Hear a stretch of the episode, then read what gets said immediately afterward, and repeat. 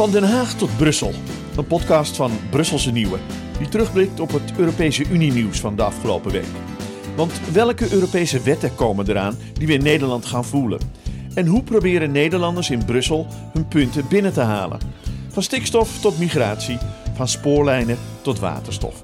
Jasper Roorda kijkt door een Nederlandse bril naar de laatste Brusselse ontwikkelingen. Welkom en leuk dat u weer luistert naar de podcast van Den Haag tot Brussel. Naast mij zit uh, Yves Lacroix, mijn naam is Jasper Roorda. We zitten deze week in het uh, Café Moor Subit, in het uh, ja, in hartje Brussel echt. Ja. Het is nog best wel rustig, want we zijn hier vroeg bij vandaag. Met koffie. Ja, ja, ja het is nog geen bier, het is koffie nu. Um, we gaan het deze week hebben over de Europese politieke gemeenschap. Dat is een spiksplinternieuwe, ja, hoe moet je het zeggen, debatforum, internationale organisatie waar Europese leiders samen met elkaar gaan zitten. Mhm. Ze zaten samen in uh, Moldavië. En niemand minder dan onze eigen Mark Rutte genoot de eer om de openingsspeech uh, te geven. Dus daar gaan we zeker bij stilstaan. Um, verder gaan we nog hebben over een nieuwe Europese wet die uh, camera's aan boord van vissersboten gaat zetten, omdat die onder strenger toezicht moeten komen te staan. En het zal u misschien niet verbazen, maar daar is niet iedereen even blij mee. En tot slot gaan we het nog hebben over een andere Europese wet die bedrijven moet gaan dwingen om uh, duurzamer te ondernemen. Ja, want uh, je hebt je daarin verdiept, hè Jasper? Ja, daar heb ik mij in verdiept. En wat, hoe zit dat nou eigenlijk? Want volgens mij heeft daar een Nederlandse Europarlementariër veel mee te maken. Ja, er zit een, uh, ja, een heel duidelijk Nederlands kantje aan. Het is Lara Wolters van de PvdA die ja, hier echt de initiatiefnemer achter is. Mhm. We moeten natuurlijk als journalist altijd een beetje neutraal blijven, maar ik denk wel dat als dit echt het eindstation gaat halen, dat het een van de grootste accomplishments gaat zijn van de Nederlandse Europarlementariër. Ja, want wat, wat, is dat nou precies dan, die wetgeving? Ja, heel simpel uitge uitgelegd. Het, het, gaat dus om de due diligence wet, noemen ze het in het Engels. Wij noemen hem altijd de ketenaansprakelijkheidswet, mm -hmm. want ik denk dat dat iets beter omvat waar het over gaat. Um, ja, die, ja, die stelt ook dat bedrijven op zoek moeten gaan naar um, hoe dat hun activiteiten een negatieve impact kunnen hebben op milieu, maar ook op mensenrechten. Mm. Ze moeten dat gaan opsporen en vervolgens ook aanpakken. En wat wel uh, opvallend is hierbij, is dat ze niet enkel binnen het eigen bedrijf moeten kijken, maar echt binnen de volledige logistieke keten. Dus, dus misschien een beetje concreet te maken, heel veel westerse kledingbedrijven hebben uh, ja, da daar kan nog voorkomen dat er kinderarbeid aan te pas komt als die uh, textiel komt uit uh, die sweatshops in Bangladesh. Dus daar worden zij nu verantwoordelijk voor gesteld. Maar ze moeten ook controleren dat de bedrijven die hun transport doen uh, ethisch te werk gaan. Ja. Of zelfs hun afvalverwerkingsbedrijven. En bijvoorbeeld bomenkap, hè? Als, je, als je bedrijf of als een bedrijf dat levert meegewerkt heeft aan bomenkap, mag dat ook niet meer. Hè? Klopt? Nee, ja, klopt. Ja. ja dus dat wordt allemaal aangepakt. Ja, want um, dus dit, is een, dit is een wetpakket. Hè? Er zijn meerdere kleinere wetten die, die hierover gaan. Wanneer komt daar een beslissing over? Is dat er al doorheen? ja, hoe ziet het, het nu uit? Het, er is dus nu in het Europees Parlement over gestemd. Dus dat Mhm. betekent dat zij intern eigenlijk hun positie hebben aangenomen. Vervolgens gaan zij nog met de, met de lidstaten in onderhandeling gaan. En wanneer dat daar een akkoord is, gaat het ook echt een Europese wet worden. Ja. En wat, heb je enig idee wat het bedrijfsleven ervan zegt? Wat de reacties buiten het parlement zijn? Ja, die, die, die zijn gemengd. Want enerzijds um, het betekent dus wel een heleboel extra ad administratief werk voor veel bedrijven. Maar ik denk ergens dat zeker Nederlandse bedrijven er toch wel blij mee gaan zijn dat er nu op Europees niveau een besluit eindelijk over gaat vallen. Want Nederland zelf is ook al bezig met een gelijkaardige wet. En dat was lang een van de grootste kritieken van, van ja, um, mooie intenties, maar ja, dat, dat is niet goed voor onze concurrentiepositie.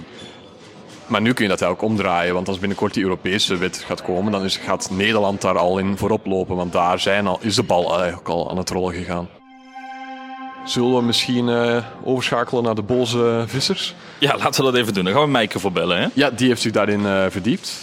Dus uh, ja, laten we eens horen wat zij ervan te, over te zeggen heeft. Ja, nou. Hoi, met Meike. Hey Meike. Hoi. Hey, uh, ik, ik, had het hier uh, net met, met Iver over. Jij hebt je deze week wat verdiept in de, de, ja, de boze vissers. Hè? Ja, dat klopt, ja. ja. Ja, want er zit dus een uh, nieuwe Europese wet aan te komen die hun onder veel strenger toezicht wilt gaan plaatsen, toch? Ja, dat kun je wel zeggen, ja. En, en waarom was deze wet nu nodig? Uh, nou, deze wet die is nodig volgens Brussel, omdat uh, er in de zeeën van rond Europa al langer sprake is van ernstige overbevissing. zeker de Middellandse Zee raakt jaar na jaar steeds leger en bepaalde soorten staan hierdoor zelfs op het punt te verdwijnen. En dit is niet alleen een probleem voor de, voor de vissen zelf. Ook de mensen die leven aan de kust, onder wie bijvoorbeeld ja, juist veel vissers, die worden hier heel hard door geraakt in hun, in hun levensonderhoud. En daar wil de Europese Unie wat aan doen. Ja, hoe ziet dat er dan concreet uit? Want ik haal het aan, er komt dus meer toezicht. Moet ik me dan voorstellen dat uh, Ursula von der Leyen nu en dan mee aan boord gaat? Of uh, hoe moet ik dat zien? Um, ja, zover zal het nog net niet gaan. Maar het klopt wel dat er veel uh, gaat veranderen voor vissers. Um, zo moet er op elke vissersboot langer dan 18 meter cameratoezicht komen. Uh, en voor kleinere boten gaat dit vanaf 2029 gelden. En Brussel hoopt zo te kunnen controleren dat uh, ja, onbedoelde vangst daadwerkelijk aan wal wordt gebracht in plaats van illegaal in zee wordt gekieperd, waar ze bang voor zijn. Uh, en ook moeten vissers elke dag hun vangst elektronisch gaan, gaan registreren. En dit willen ze ook uh, ja, doen om te kijken of er, uh, of er echt alles aan wal wordt gebracht. Um, daarnaast komen er boetes. Dus wanneer een visser de regels overtreedt, heeft loopt hij het risico om een boete te krijgen. en een ander interessant gegeven uit het akkoord is dat alle verse vis traceerbaar moet worden volgens Brussel. Uh, nu is dat nog niet uh, vastgelegd en daardoor is vaak de, de precieze afkomst van, uh, van vis niet duidelijk.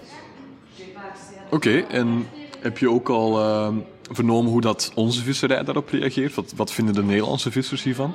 ja, zeker. Nou, van wat ik ervan heb gehoord zijn die niet echt blij. Er is na aanloop van het akkoord veel protest geweest vanuit de visserijsector. ze voelen zich namelijk behoorlijk aan de kant gezet en gewantrouwd. Ze voelen zich namelijk behoorlijk aan de kant gezet en gewantrouwd. En uh, nou ja, dat is iets wat ook wel goed te begrijpen is. Uh, wij hebben natuurlijk ook geen camera's op ons werk die uh, precies controleren wat we doen. Aan de andere kant realiseren de vissers zich natuurlijk ook wel dat overbevissing een ernstige bedreiging is. niet alleen voor de vis, maar ook voor hun eigen, ja, eigen levensonderhoud natuurlijk. En ze snappen heel goed dat er daar wat aan moet gaan gebeuren. Alleen zijn ze het totaal niet eens met de manier waarop dat nu gebeurt vanuit Brussel. Uh, Nederlandse vissers zouden graag willen zien dat uh, pulsvissen weer mogelijk wordt. Omdat dit een techniek is waarvan is bewezen dat er veel minder uh, bijvangst bij komt kijken. eerder is dit afgewezen door het Europees Parlement en is ook het, het hoger beroep dat Nederland heeft aangetekend bij het Hoger Gerechtshof afgewezen. Maar nu wordt daar toch wel weer een beetje over gepraat. Ehm, dus ja, de Nederlandse vissers die zijn niet te spreken over hoe het, over hoe het nu gaat in Brussel. Oké, dankjewel. Graag gedaan. Nou, tot uh, slot dan nog iets volledig anders. We gaan van, van pulsvissen naar Moldavië. Mm -hmm. um, want daar zat de Europese politieke gemeenschap dus samen. Ik, uh, als Brusselse journalist vliegen al die termen van uh, instellingen je ja. om, om de oren. Kun jij misschien eerst eens af uitleggen wat dat nu juist is. Ja, ja. Dus, dus we hebben de Europese Unie natuurlijk, hè. daar hebben we 27 uh, lidstaten in. Uh, maar uh, Europese leiders willen ook met, met meer andere Europese leiders praten. Dus het idee was... Van buiten de EU. Van ook. buiten de EU, maar wel in Europa, hè, het continent. Mm -hmm. um, dus was het plan om... Um, uh, om, om iets groters op te zetten. En dat is dit waar jij het nu over hebt. Uh, bijna 50 uh, Europese regeringsleiders die kwamen dan nu voor de tweede keer bij elkaar om het te hebben over dingen die nu spelen. Dat is op dit moment natuurlijk Oekraïne vooral, maar ook een beetje migratie en, en andere zaken. Ja, Mark Rutte genoot dus de eer om ja, de bijeenkomst af te trappen. Wat had hij daar nog uh, te zeggen? Ja, nou, het was Mark Rutte, maar ook president Zelensky van Oekraïne en ook de, de, uh, de premier van Roemenië die mochten, mochten aftrappen. Maar Rutte heeft echt van de gelegenheid gebruik gemaakt, ook in die openingsspeech, om meer steun voor Oekraïne te krijgen. Dus Nederland lijkt een beetje een leiderschapsrol te willen nemen in het bouwen van die coalities voor het trainen van F-16-piloten en misschien ook uiteindelijk het leveren van F-16's aan Oekraïne. En dan die Patriot raketsystemen. Dat zijn uh, raketsystemen die andere raketten uit de lucht kunnen schieten. Um, um, dus, dus daar heeft hij heel erg op gehamerd. Ook, uh, en dat, dat heeft hij ook van tevoren al gedaan tegen de media. Um, uh, dat de steun voor Oekraïne uh, hoog moet blijven. Ook als het tegen gaat zitten. Want hij zegt: het is een oorlog. Het lijkt allemaal best goed te gaan voor Oekraïne. er komt een offensief aan. Maar laten we niet vergeten dat er tegenslagen gaan zijn. En ook dan moeten we humanitaire, militaire hulp blijven geven. Ja, misschien uh, tot slot. Ik, ik haalde het in het begin aan. Het is echt spiksplinternieuw. Het is nog maar de tweede keer dat deze gemeenschap uh, samen zit. Ze hebben een paar maanden geleden al in uh, Praag samen gezeten, als ik het goed heb. Heb je nu het gevoel dat, dat er hier iets aan het rollen is? Dat, dat dit een succes is? Nou, dat, dat vind ik moeilijk, eh, moeilijk zeggen. Wat, wat wel blijkt nu achteraf, uh, uh, wat regeringsleiders fijn vinden, is het feit dat er geen daadwerkelijke bindende beslissing aan zit. En dat betekent dat ze heel open met elkaar kunnen gaan praten. Dus op zo'n dag zijn er een heleboel rond de tafel gesprekken. soms dus met die F-16-coalitie, ook met andere landen over migratie en zo.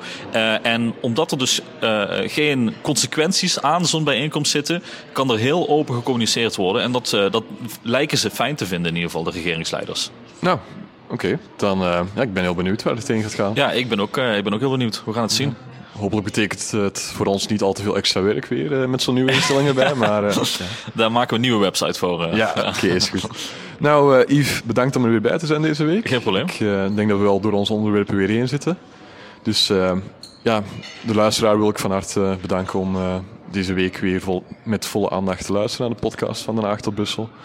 Um, ja, ja en... wekelijkse oproep. Liken, subscriben op al onze social media. Yves tegenwoordig ook veel aan het TikTokken. Ja, dus als je op ehm, TikTok zit, volg ons alsjeblieft. We hebben er tot nu toe maar acht. Uh, maar ik hoop dat dat uh, de komende week gaat groeien. Ja, ik, ik hoop het ook van harte. Hey, tot volgende week en fijn weekend. Tot volgende week.